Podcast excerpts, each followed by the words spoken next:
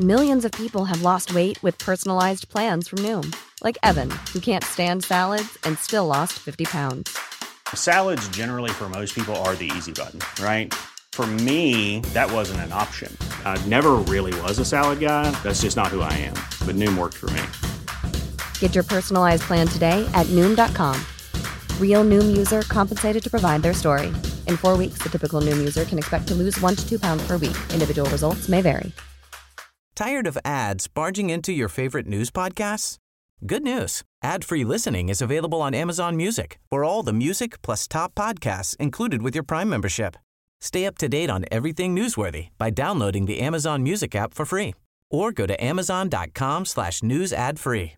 That's amazon.com slash news ad free to catch up on the latest episodes without the ads.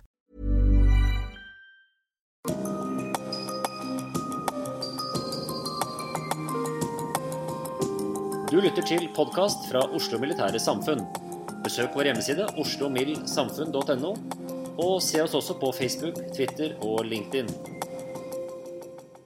I kveldens medlemsforedrag i Oslo Militære Samfunn møter du forsker Lars Haugom fra Institutt for forsvarsstudier med hans foredrag 'Hvor er Tyrkia på vei?' Tyrkia har langt bak seg et av de mest turbulente årene i landets moderne historie, med et mislykket kuppforsøk, unntakstilstand og en folkeavstemning som vil øke makten til landets president betydelig. Samtidig er tyrkisk utenrikspolitikk i endring. Landets forhold til vestlige allierte er blitt mer anstrengt, mens forholdet til andre makter som Russland og Iran er i rask bedring. Med dette som bakgrunn stiller forsker Lars Haugum spørsmålet hvor er Tyrkia på vei? Forrige mandag så avrundet jeg kvelden med å selvfølgelig eh, introdusere eller reklamere for eh, denne aftenens foredragsholder og det som skjer i Tyrkia i dag. Og Da sa jeg noe sånn som at eh, denne så jeg ikke komme. Vår skolelærdom var jo at Atatürk han samlet Tyrkia. Han sekulariserte Tyrkia. Han viste Tyrkia betydningen av å ha minst ett bein godt planta i Europa. Så det som har skjedd det siste året eller så, det kom veldig uventet på veldig mange av oss. Men vi har en forsker fra Institutt for forsvarsstudier som trekker mot 20 års forskning og erfaringer fra denne regionen og alt som skal berøres i løpet av de spørsmålene som vi stilte deg. Hvordan kunne dette skje? Hva vil skje, og hva betyr det for oss? Lars Haugom, hjertelig velkommen. Talestolen er din. Takk skal du ha, Bjørn. Eh, først og fremst vil jeg takke for invitasjonen hit til Oslo Militære Samfunn. Jeg har vært tilhører her flere ganger og jeg har deltatt på seminarer her, men jeg har aldri selv holdt eh, foredrag, så dette blir en ny erfaring. Jeg er sikker på at alle dere som sitter i salen her i dag, har en forestilling om uh, Tyrkia. Enten fordi dere har besøkt landet eller har tjenestegjort sammen med tyrkiske offiserer, eller fulgt med når Tyrkia dukker opp i nyhetsbildet. Og jeg er sikker på at de fleste av dere også har et inntrykk av, noe, av at noe grunnleggende er i ferd med å skje i dette landet og i dets forhold til verden rundt. I løpet av det siste halvannet året som også Bjørn var inne på, så har Tyrkia vært igjennom en svært turbulent periode med et mislykket militærkuppforsøk, innføring av unntakstilstand, store utskiftninger av personell innenfor Forsvaret og andre deler av statsapparatet. Og de har også vært igjennom en folkeavstemning som vil øke de politiske fullmaktene til president Erdogan betydelig. Samtidig så har Tyrkias relasjoner med USA og Europa blitt mer anstrengt, mens forbindelsene til både Russland og Iran er blitt styrket. Spørsmålet blir derfor hvor er egentlig Tyrkia på vei hen? Og Forhåpentligvis vil dette foredraget bidra til å svare på det spørsmålet. Når det gjelder Tyrkia, så starter mye med geografi og med historie. Og foredraget starter også der. Sett fra Norge så er Tyrkia først og fremst et land i periferien av Europa, på terskelen til Asia og Midtøsten. Og Fra et sikkerhetspolitisk perspektiv så kan en kanskje hevde at Tyrkia først og fremst har betydning for oss, fordi landet både, både utgjør en forbindelse til regionene som ligger øst, øst, for oss, og samtidig er en eh, buffer mot ustabilitet og trusler med opphav i disse regionene. Hvis vi derimot ser på Tyrkia fra et tyrkisk perspektiv, så har landet en svært sentral geostrategisk beliggenhet mellom verdens regioner, kontinenter og stormakter. Dette åpner på den ene siden for at Tyrkia kan bli en stormakt i de regionene landet er en del av. Men gjør samtidig landet sårbart for de etablerte stormaktenes ambisjoner i de samme områdene. Og Dersom en skal forstå tyrkisk utenriks- og sikkerhetspolitisk tenkning, så er det viktig å forstå denne spenningen mellom forestillingen om Tyrkias rettmessige stormaktsposisjon på den ene siden, og forestillingen om landets sårbarhet for andre staters ambisjoner på den andre. Begge disse forestillingene kan sies å ha opphav i det osmanske riket. På høyden av sin makt på 1600-tallet omfattet dette imperiet Anatolia, Midtøsten, deler av Nord-Afrika, store deler av Sørøst-Europa og Kaukasus. Det militære nederlaget ved Wien 1683 innledet imidlertid en nedgangstid for osmanerne, som varte fram til den endelige kapitulasjonen for de allierte landene etter første verdenskrig. Nederlaget sammen med Tyskland og Østerrike-Ungarn i 1918 betød slutten på det osmanske riket, og krigsoppgjøret ble særdeles ydmykende for tyrkerne.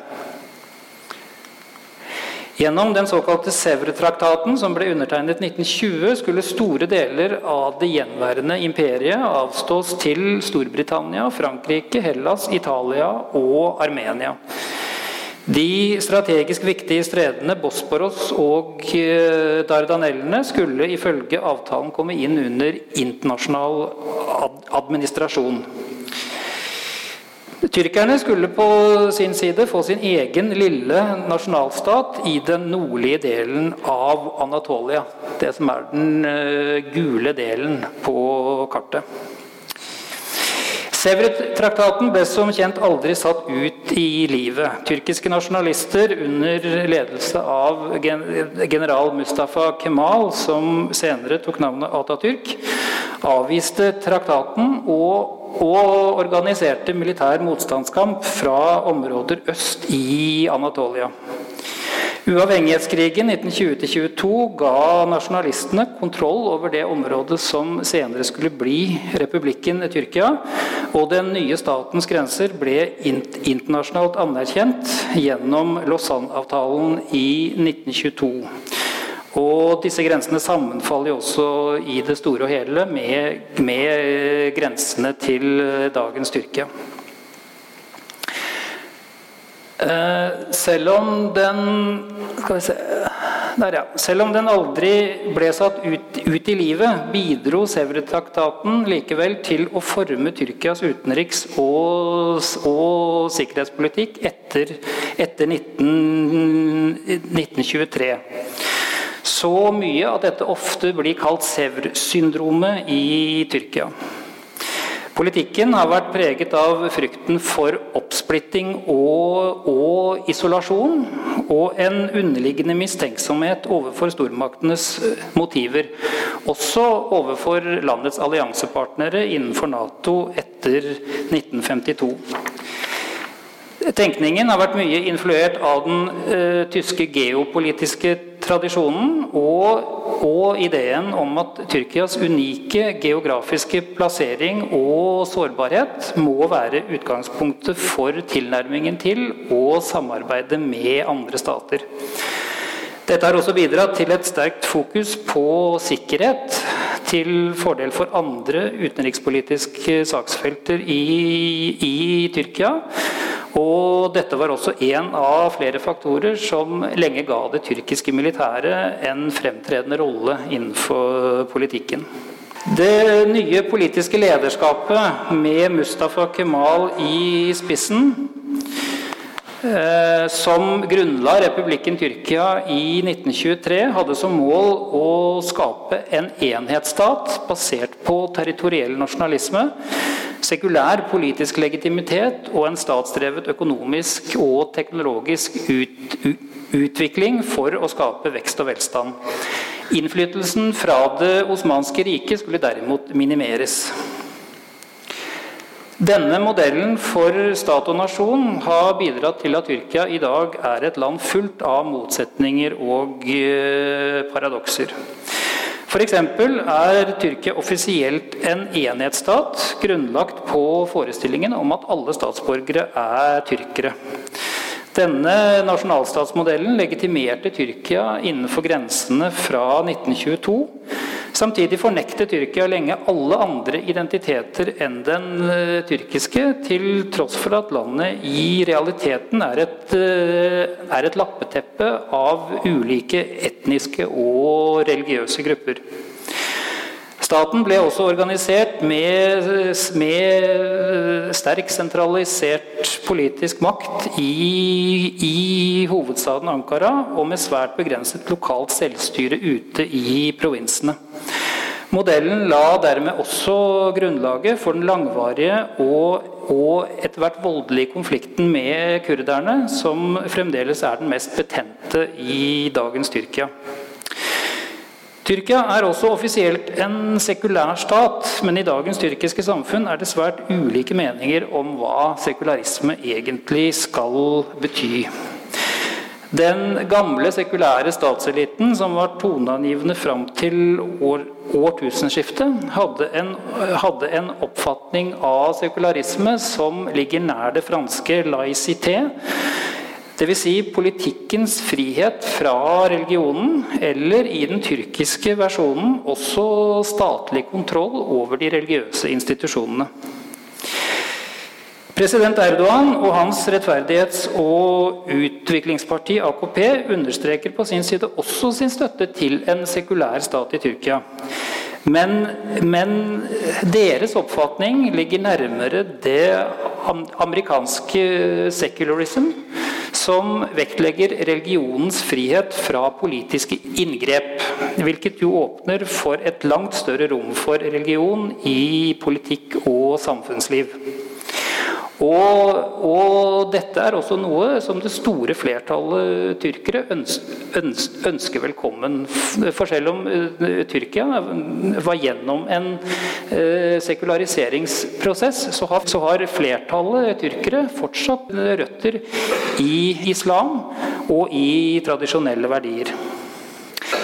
Videre så har Tyrkia offisielt hatt et demokratisk styresett siden uh, 1950 men har aldri vært noe reelt demokrati.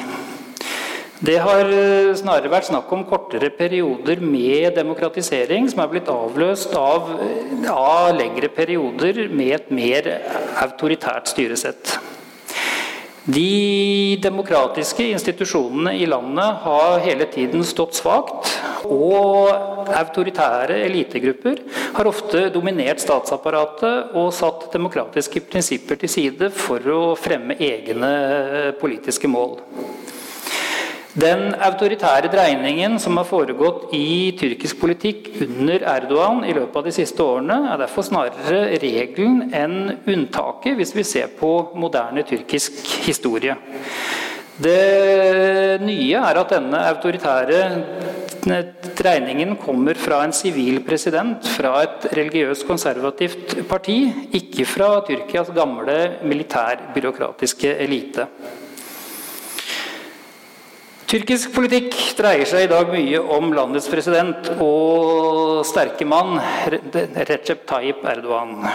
Det kan derfor være naturlig å bruke ham som ut, utgangspunkt når man skal forstå den, den politiske utviklingen som nå foregår i Tyrkia. Eh, Erdogan kommer fra relativt beskjedne kår som sønn av en fergekaptein i Istanbul. Han startet sin politiske karriere i Det islamske velferdspartiet og ble i 1994 valgt til Istanbuls borgermester. I 2003 ble han så Tyrkias statsminister fra det, nye, fra det nyetablerte AKP, som hadde fått flertall i parlamentsvalget året før. Etter tre sammenhengende perioder som statsminister ble Erdogan så i 2014 valgt til eh, president. Og med de grunnlovsendringene som ble, som ble vedtatt gjennom den omstridte folkeavstemningen i april i år, så kan Erdogan i teorien bli sittende som president fram til 2029. Erdogan har hele tiden stått for en politikk med vekt på, på, islam og konservative verdier, og med en målsetting om å gjenopprette historiske og kulturelle bånd til det osmanske riket Bånd som landsfaderen Kemal Atatürk gjorde sitt beste for å svekke. Eh, dette har gjort ham svært populær blant mange tyrkiske velgere, men også brakt ham inn i stadige konflikter med den, med den etablerte sekulære eliten i Tyrkia. Ikke minst med det tyrkiske militæret, som i hvert fall inntil nylig betraktet seg som voktere av Atatürks revolusjon og, og landets sekulære orden. I senere år har også eh, nasjonalisme blitt et tydeligere element i, i, Erdogans politiske profil. Noe som må sees i sammenheng med hans frieri til, eh, til nasjonalistiske krefter på høyresiden i, i tyrkisk politikk. Islam, konservative samfunnsverdier og tyrkiske nasjonale in, in, interesser knyttes nå sammen i det presidenten selv kaller for det nasjonale perspektivet, og som han har en uttalt forventning om at alle samfunnsinteresser i Tyrkia slutter opp om. Ved siden, av, øh, ved siden av islam så har økonomisk vekst og velstandsøkning gjennom privatisering og markedsliberalisering vært et viktig element i Erdogans politiske program. Under de to første AKP-regjeringene fra 2002 til 2011 opplevde da også Tyrkia en, en, periode med vedvarende vekst og en økning av befolkningens levestandard. Noe som i sin tur bidro til, til Erdogans og AKP-partiets popularitet.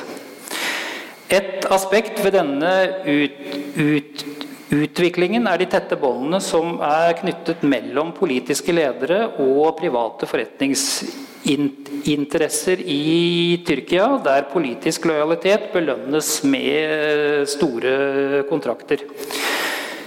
Eiendomsutviklere og entreprenører med nære forbindelser til AKP er f.eks. blitt tilgodesett med de store kontraktene i de, i de offentlige ut, utviklingsprosjektene. Erdogan har også erklært sin tilslutning til et demokratisk system, men har ikke vist seg som noen demokrat i vestlig liberal forstand. For Erdogan synes demokrati å være synonymt med et majoritetsstyre, der flertall i valg gir, gir politiske ledere styringsrett, og mindretallet må kjenne sin plass og respektere den nasjonale viljen. Hans eh, kritikere hevder da også at for Erdogan så har demokratiet først og fremst vært et middel for å oppnå politisk makt, og ikke et mål i seg selv. Og Tidlig på 1990-tallet ble han da også tillagt uttalelsen om at demokrati er som et tog. Du, du går av når du har kommet fram til riktig stasjon. AKP-partiet, som man var med på å starte, var da også fra begynnelsen et eh, stort samlingsparti på høyresiden i tyrkisk politikk. som fikk støtte fra så forskjellige grupper som eh, islamister, konservative, liberale næringslivsledere, tilhengere av tyrkisk EU-medlemskap og konservative kurdere. Det disse gruppene hadde til felles, var at de ønsket forandring fra den autoritære formynderstaten som, eh, som landets gamle militærbyråkratiske elite sto for. AKP ble i denne sammenhengen betraktet som en demokratiserende og, og, liberaliserende kraft som kunne åpne det tyrkiske samfunnet og gjøre Tyrkia til en del av Europa. Partiet skulle imidlertid vise seg å være mer konservativt og religiøst enn det var liberalt. Og I 2013 sa partiledelsen offisielt takk og farvel til eh, liberale krefter, som hadde vært deres allierte gjennom eh, ti år. Etter hvert har AKP også blitt mer og mer av et enmannsshow, dominert av, eh, av, Erdogan og hans lojale støttespillere, de såkalte erdoganistene innenfor partiet. Per i dag er det også vanskelig å få øye på noen andre innenfor dette partiet som har tilstrekkelig evne og vilje til å utfordre Erdogan som eh, partileder. Mest av alt så kan Erdogan eh, betegnes som en eh, populist, og hans bakgrunn og evne til å kommunisere med folket har hjulpet ham enormt i hans politiske karriere. Millioner har stemt på Erdogan fordi de betrakter ham som en, en, av dem selv. En som vet hva det vil si å komme fra, fra beskjedne kår. Oppveksten og tiden som eh, lokalpolitiker i, i, Istanbul har også gitt den tyrkiske presidenten en, eh, en, eh, glimrende teft for hva den jevne borger er opptatt av, og, og hva som appellerer til velgerne. Han har en egen evne til å samle folk rundt seg, kontrollere politiske nett, nettverk og kommunisere et politisk budskap. Selv om han er høyst kontroversiell og, og, intenst hatet i mange kretser i Tyrkia, er det vanskelig å være uenig i at han er den mest effektive lederen, taleren og politiske operatør Tyrkia har hatt siden Kemal Atatürks død i 1938. Så i hvilken retning er det så Erdogan er i ferd med å ta Tyrkia? Det vi ser konturene av i Tyrkia, er et system som er blitt kalt eh, innenfor forskningen 'competitive authoritarianism'. Og eh, Det er altså systemer hvor man tilsynelatende har, eh, har konkurranse om den politiske makten, men hvor systemet er så rigget til fordel for de sittende makthaverne at, at Opposisjonen i, i, praksis har veldig liten mulighet for å, for å vinne politisk makt. Og Man kunne vel trekke fram Russland under Putin som en slags uh, parallell. Om to år, i 2019, er det igjen valgår i Tyrkia. Og For første gang skal det gjennomføres valg på president, nasjonalforsamling og, og lokalstyre samme år. Og Det er grunn til å tro at Erdogan og, og, regjeringspartiet vil bruke all den kontrollen og innflytelsen som de nå har over statsapparatet og samfunnsinstitusjonene, for å sikre en seier i disse tre eh, valgene. Opposisjonen vil ha en teoretisk mulighet til å ta makten, men det, vil, men det skal svært mye til for at den vil greie dette i, i praksis. Blant opposisjonslederne Der, ja. Så er det i dag Meral Aksjonær som har størst reell mulighet til å utfordre Erdogan i 2019. Aksjonær er en ut, utbryter fra nasjonalistpartiet M, MHP og er nå i ferd med å starte sitt eget politiske parti. Det som gir aksjonær en reell sjanse mot Erdogan, er at hun tilhører den eh, konservative høyresiden og derfor appellerer til de samme velgergruppene som de nå har støttet AKP. Samtidig er hun sekulær og reformorientert nok til å, eh, til å appellere til velgere som ellers ville stemt på det republikanske partiet CHP, altså da Atatürks gamle parti. I tillegg har hun også ry for å være en sterk og handlekraftig leder, noe som bidrar til hennes popularitet i Tyrkia. Det springende punktet med tanke på en valgseier det er imidlertid om hun kan tiltrekke seg nok stemmer fra, fra, velgere som identifiserer seg med AKP, men som av ulike grunner ikke, ikke ønsker at Erdogan skal fortsette som eh, president. Og det er en betydelig opposisjon mot Erdogan, også blant AKP-velgere og internt i, i partiet. I tillegg så må hun også makte å overkomme de mange begrensningene som styresmaktene kommer til å legge på opposisjonspartiene i den kommende valgkampen.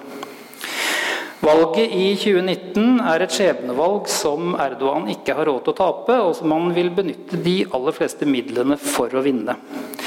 Med stor grad av personlig kontroll over mediene, domstolene, et, etterretnings- og sikkerhetsapparatet, så er det også gode muligheter for at han vil hale nok en valgseier i, i land om to år.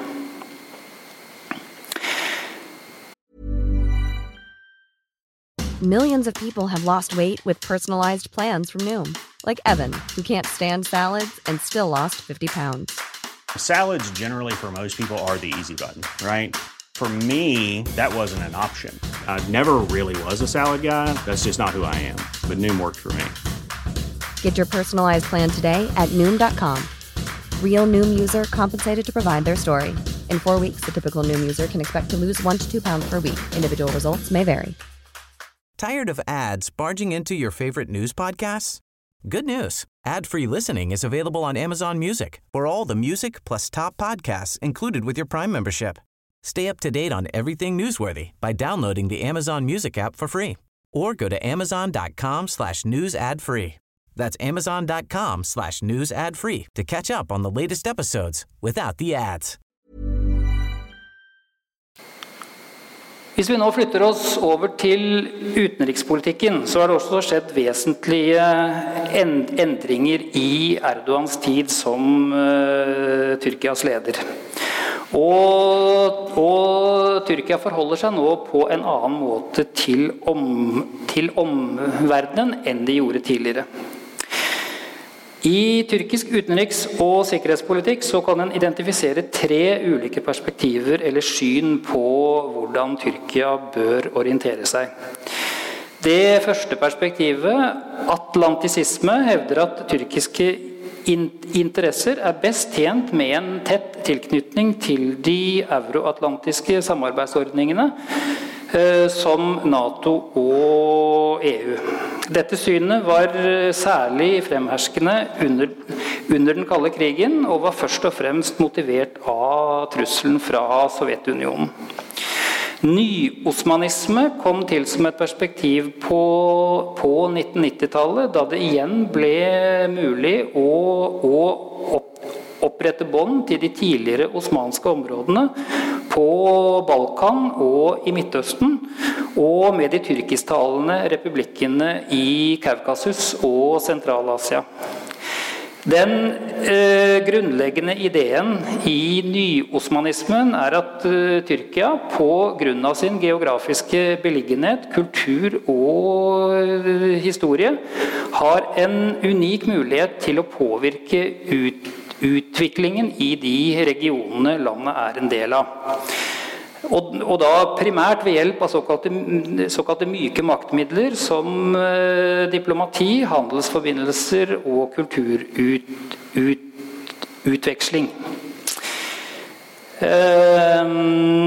Tilnærmingen til de tidligere osmanske områdene skulle imidlertid ikke gå på bekostning av Tyrkias forhold til, til, eh, til Vesten. Tvert imot skulle innflytelsen i disse områdene sørge for at Tyrkia forble relevant for USA og Europa som brobygger og fasilitator overfor land i, i, i andre regioner. Det tredje perspektivet, eurasianismen, kan også spores tilbake til, til 1990-tallet og den kalde krigens uh, slutt. Den uh, tyrkiske eurasianismen Eurasianisme er jo også noe som uh, kommer i en, i en russisk versjon. Det kjennetegnes ved en eh, dyp skepsis til, til, Europa og USA, og en avvisning av at uh, Tyrkia fortsatt har sammenfallende interesser med vestlige land. Tyrkia bør i stedet føre en utenriks- og sikkerhetspolitikk som er mer uavhengig av eh, Vesten, og være fri til å styrke relasjonene med andre stormakter. Først og fremst Russland, men også stater som Iran, India og Kina. Og utenrikspolitikken som Tyrkia nå fører, har også tydelige trekk fra det eurasianistiske perspektivet.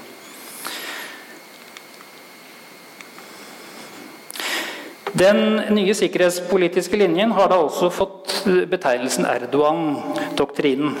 Kort fortalt innebærer denne at uh, Tyrkia skal føre en mer proaktiv sikkerhetspolitikk med forebyggende bruk av, av militærmakt utenfor egne uh, grenser for å sikre nasjonale in interesser. Om uh, nødvendig skal Tyrkia også kunne se bort fra hensynet til alliansepartnere og, og handle unilateralt. Eh, og Hvis vi ser på de militære operasjonene Tyrkia har hatt gjennom det siste året, inn i Syria f.eks. Eh, som eh, Altså den pågående opp, opp, operasjonen er jo muliggjort på, grunn av samarbeidet med Russland og, og, Iran, først og fremst. Og går til dels på tvers av, av, av, eh, av f.eks. USAs in, interesser i dette området.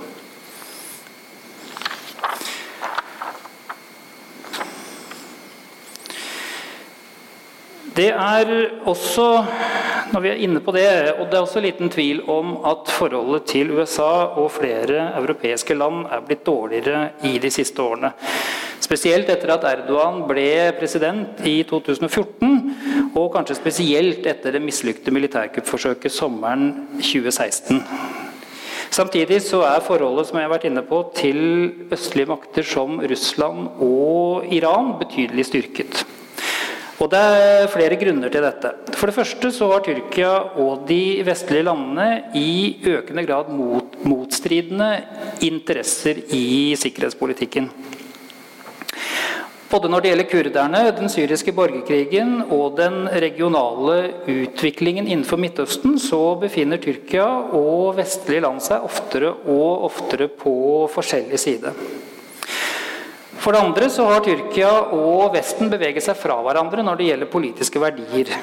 Den autoritære dreiningen i Tyrkia med stadig dårligere kår for demokrati og menneskerettigheter er gjentatte ganger påpekt av og kritisert av USA og europeiske land til Ankaras store forbitrelse. Tyrkiske styremakter mener at Vesten ikke forstår de sikkerhetsmessige ut utfordringene landet står overfor med terrortrusler fra mange politiske hold. Et eh, tredje moment er den iboende mistanken som mange tyrkere har når det gjelder Vestens egentlige motiver og planer med Tyrkia. Denne mistanken er ikke blitt noe mindre etter fjorårets kuppforsøk. Og det at USA og europeiske land nekter å ut, utlevere både Fethullah Gülen og andre tyrkiske statsborgere som anklages for delaktighet i, i, det, i, det mislykkede kuppet, styrker bare mistanken om at USA og Vesten egentlig sto bak. Eller i hvert fall hadde et sterkt ønske om at uh, kuppforsøket skulle lykkes. Sist, men ikke minst, forsterkes dette motsetningsforholdet ved at, eh, ved at, Erdogan bruker utenrikspolitikken så aktivt for å fremme sin innenrikspolitiske agenda. Både den harde linjen mot eh, kurderne i og utenfor Tyrkia, og den eh, glødende retorikken som han har brukt mot mange av Tyrkias vestlige allierte, har funnet god gjenklang hos Erdogans velgere og og politiske støttespillere på, på hjemmebane. Her spiller presidenten på historien om Tyrkia som offer for, for stormaktenes skumle planer. Stormaktene vil ifølge Erdogan bruke alle midler for å holde Tyrkia svakt og forhindre at eh, landet inntar sin rettmessige plass som politisk og økonomisk stormakt. Bildet av kjøligere relasjoner med europeerne er imidlertid ikke entydig. Det dårlige forholdet til Europa gjelder først og fremst de store landene på kontinentet. Forholdet mellom Tyrkia og Storbritannia eksempel, virker på en annen side å, å, å være svært godt. Da den britiske statsministeren Theresa May besøkte Tyrkia i, i januar i år, ble det f.eks. undertegnet forsvarskontrakter for i størrelsesorden 135 milliarder dollar. Møtet mellom May og, og Erdogan fikk også en britisk diplomat til å trekke en sammenligning med situasjonen i 1580 da Storbritannia og Det osmanske riket allierte seg mot, mot de europeiske kontinentalmaktene. Det er antageligvis også en grense for hvor langt Tyrkias vending mot øst kommer til å gå. For det Ankara hele tiden har søkt når det gjelder naboregionene, det er å ha en eh, lederrolle. Først overfor de turkomane republikkene i det tidligere Sovjetunionen, og senere overfor de, de arabiske landene. En slik lederrolle er det imidlertid få om noen andre stater som, som eh, vil at Tyrkia skal ha. De turkomane republikkene foretrakk sine etablerte relasjoner med, med, Moskva framfor å knytte seg til, til, Ankara. Og i den arabiske verden huskes fortsatt det, det osmanske riket som en undertrykkende kolonimakt. I Midtøsten konkurrerer også Tyrkia med Egypt, Saudi-Arabia og Iran om å være en lederstat. Og så langt er det tyrkerne som har gått tapende ut av denne konkurransen. Og, og, når det gjelder Tyrkias forhold til Russland, så er det vel også liten tvil om hvem som er storebror og hvem som er lillebror. Tyrkia trenger dessuten relasjonene med Europa og USA, uansett hvor mye president Erdogan insisterer på det motsatte. EU og USA er fremdeles blant uh, Tyrkias viktigste handelspartnere og en betydelig kilde for, for utenlandske investeringer i Tyrkia. De fleste tyrkere som bor utenfor Tyrkia, er også bosatt i europeiske land. Eh, I tillegg så er det vanskelig å se hvordan Russland eller en eh, organisasjon som eh, f.eks. Shanghai-samarbeidsorganisasjonen vil kunne gi Tyrkia de samme sikkerhetsgarantiene som det Nato gjør i dag. Selv om det er en sterk mistenksomhet mot USA og Europa i dagens Tyrkia, så er ikke mistenksomheten mot, uh, mot Russland og Iran nød, nødvendigvis så mye mindre. Uh, dette er Tyrkias historiske rivaler om regional makt og innflytelse. Det kjøligere forholdet til, til, eh, vestlige land og samtidig et, Et eh, varmere forhold til de østlige maktene kan derfor først og fremst sees som et uttrykk for at Ankara nå vil ha flere hester å, å spille på når de skal fremme egne ut, utenriks- og sikkerhets, sikkerhetspolitiske in, interesser. Når det gjelder Nato, vil en slik politikk fra tyrkisk side utvilsomt komplisere samarbeidsforholdene innad i, i alliansen.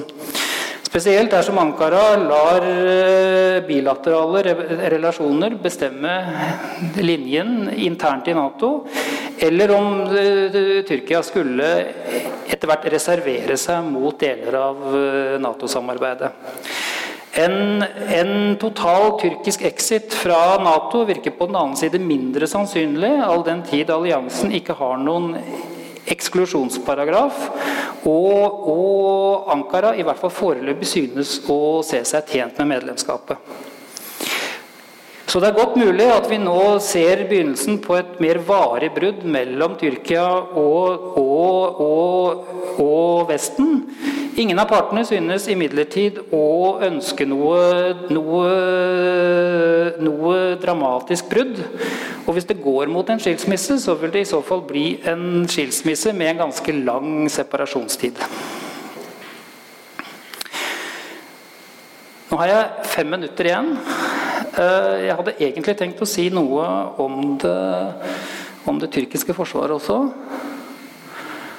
Eh, jeg kan jo bare raskt si at eh, at det har skjedd store forandringer innenfor det tyrkiske forsvaret i løpet av det siste året, som dere sikkert har, har fått med dere. For det første så var jo kuppforsøket en monumental ydmykelse av det tyrkiske forsvaret som en eh, nasjonal institusjon. Og det førte også til store ut ut utskiftninger innenfor offiserskorpset. Blant annet så er så mange som 4200 offiserer fått, eh, fått, fått avskjed. 150 av dem med generals eller ad, ad, ad, admirals rang. Det betyr at nesten halvparten av, av, uh, av, alle generalene i, i, Tyrkia har fått avskjed. Og Hvis vi sammenligner med situasjonen ett, et år før kuppforsøket, så er det tyrkiske offiserskorpset redusert med hele 38 Eh, dette har ført til mangel på militært personell innenfor noen kategorier, spesielt eh, flygere innenfor Luftforsvaret og personell i, i spesialstyrkene. Men eh, synes ikke å ha gått vesentlig ut over Forsvarets evne til å gjennomføre militære opp, operasjoner. Tyrkiske styrker har gjennomført flere store militære operasjoner i det året som er gått siden kuppforsøket. Både i nabolandene Syria og Irak, og i de sørøstlige provinsene i, i Tyrkia, da mot eh, PKK. Og selv om disse operasjonene ikke har vært ubetingete suksesser, er det heller ikke noe som eh, tyder foreløpig på at eh, Forsvaret har fått redusert evne i noe betydelig grad. Eh, til slutt så um, synes det også nå som det, det, tyrkiske militæret for første gang i sin historie kommer under reell sivil kontroll. Det tyrkiske forsvaret har jo vært en nærmest autonom institusjon innenfor det tyrkiske statsapparatet og i hvert fall fram til årtusenskiftet også hadde betydelig politisk innflytelse. Det vi ser konturene av, er imidlertid et, et, et system med sivil politisk kontroll, og ikke demokratisk kontroll, slik som vi kjenner det fra, fra vestlige land. Og kontrollen i, i, i, Tyrkia ligger nå i siste instans hos, hos president Erdogan og AKP-partiet. Takk for oppmerksomheten.